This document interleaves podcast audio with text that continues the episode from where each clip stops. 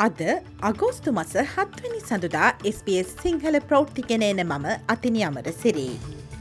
ඔස්ට්‍රලයානු දේශපාලනය තුළ කන්සවේටව් මතධාරීන් හෙවත් සාම්ප්‍රදායික දේශපාලනික මතදරන පාර්ශව විසින් පාර්ලිමේන්තුවට ස්වදේශික හඬක් එක් කරලීමේ ව්‍යාපාරයට එරෙහිව දිගෙන්දිගටම ප්‍රචාරක කටයුතු සිදු කරන්නේ නම් විශාල චන්දදායකින් පිරිසක් ඔවුන්ගෙන් ඇත්වීමේ අවධානමක් පවතින බව නශනල් පක්ෂයේ හිටපු පාර්ලිමේන්තු මන්ත්‍රී ඇන්රුකී පැවසුවේය. ඉන්ඩිජීනස් වොයිස්ටු පාර්ලිමන්් ජනමත විචාරණයේදී සිය පක්ෂයේ ස්ථාවරය හේතුවෙන් ඔහු නැශනල් පක්ෂයෙන් ඉවත් වී තිබේ. If the conservative side of politics thinks that opposing the voice in the way that they are, in, for example, labelling the voice Orwellian or saying that it's going to re racialise Australia. If people think that is the way to political salvation, they've got rocks in their head. ඔස්ට්‍රලයානු පාර්ලිමේන්තුවේ ස්වදේශික නියෝජනය වෙනුවෙන් පෙනී සිටින යස් ප්‍රචාරක ව්‍යාපාරයේ ප්‍රචාරකයින් විසින් ඉන්ඩිජනස් වයිස්ටු පාලිමන්ට් පිළිබඳව මෑතකදී සිදු කරන ලද මත විමසුම ඉවත දමා තිබේ. ඊට ප්‍රතිචාර දැක්වුවන් දහසක් දෙනාගෙන් ඔවු හෝ නැත යන්න සඳහන් කරන ලෙස ඉල්ලා සිටි අතර සයට පනස් හයක් ඊට විරුද්ධ බව පලකොට තිබේ. ජනතාව අතරින් වැඩි පිරිසක් තවමත් මේ පිළිබඳව තීරණයක් ගෙන නොමැති බැවින් මෙම මත විමසුම නිවැරදි ජනතානියෝජනයක් නොවන බව ඔවුන් පෙන්වා දෙයි. Well, the latest poll also just rules out undecided voters. It basically says that the Australians have made their minds up. We know that that is not the case. 40% of Australians have not made their mind up on this issue. Those are the voters that we're um, focusing on, and that is why we're putting all our effort behind it. එළමෙන සැත්තැම්බර් මාසයේ සිට සිදුවන බෙහෙත් වට්ටෝරුවල වෙනස්කම් හේතුවෙන් වයස්කත සත්කාරක සේවා සඳහා පිරිවැය වැඩිවිය හැකි බවට ඖෂධවේදීන් විසින් අනතුරුවංකවා තිබේ.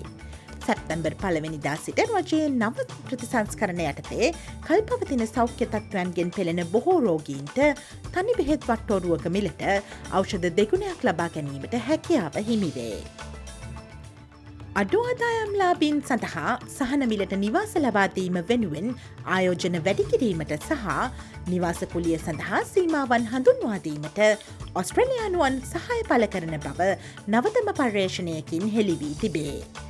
ඔස්ට්‍රලයානු මධ්‍යම රජයේ නිවාස අමාත්‍යවරිය වන ජූලි කොලින්ස් විසින් පසුගිය සතියේ ඉදිරිපත් කළ ඩොල බිලියන දහයක හවසින් ඔස්ට්‍රලයා ෆියච අරමුදල පිහිටුවීම සඳහා නීති සම්පාධනය කිරීම වෙනුවෙන් පැවති සැනත් සභාවේ පළමු රැස්වීමෙන් පසුව ඒ බව තහවුරු වී තිබේ. ශ්‍රී ලංකාවෙන් වාර්තාාවන පුවත් අද වැඩසටහනේ ශ්‍රී ලංකය පුවත් විමසුමෙන් බලාපොරොත්තු වන්න. රුසියාව විසින් යුක්්‍රේණය වෙත කෘස් මිසයිල හයිපසොනික් මිසයිල සහ ඉරානයෙන් නිෂ්පාදිත ඩ්‍රෝන ඇතුළු ගුවන් ප්‍රහාරක ආයුධ හැත්තෑවක් භාවිතා කරමින් අකණ්ඩ ප්‍රහාරයක් දියත් කර ඇතැයි යුක්්‍රේණ ගුවන් හමුදාව පවසයි. යුක්්‍රේණයේ ගුවන් ආරක්ෂක පද්ධතිය මකින් එම කෘස් මිසයිල හතලිහෙන් තිහක් සහ රුසියාව එකරයකින් දියත් කළ ඩ්‍රෝනයානා විසි හතම විනාශ කළ බව යුක්්‍රේණ ගුවන් හමුදාව වාර්තා කරයි. පකිස්ථානයේ දකුණු ප්‍රදේශයේ මගේ දුම්රියක් පීලිපැනීමෙන් අවම වශයෙන් පුද්ගලයින් තිස් දෙනෙකු මිය ගොස් අසූ දෙනෙකු තුවාල ලබා ඇති බවට ප්‍රාදේශීය මාධ්‍ය වාර්තා කොට තිබේ. පකිස්ථානයේ විශාලතම නගරය වන කරච්චි සිට කිලෝමීටර් දෙසි හැත්ත පහක් තුරින් නැති දකුණු පලාතේ නගරයක් වන සින්ත් නගරයාසන්නේ දුම්රිය මැදිලි දහයක් පමණ පීලි පැන ඇතැයි වාර්තාවේ.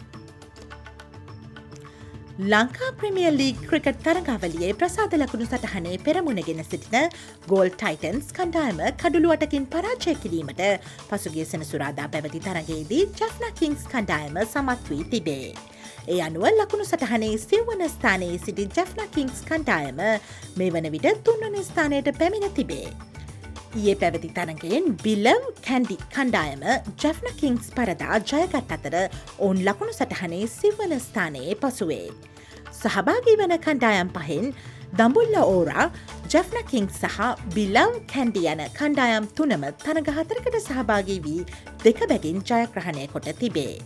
ගෝල් ටයිටන් සහ කළම්බු ස්ට්‍රයිකර්ස් කණ්ඩායම් අතර ඔවුන්ගේ සිව්වන තරගය අද පැවැත්වීමට නියමිතයි.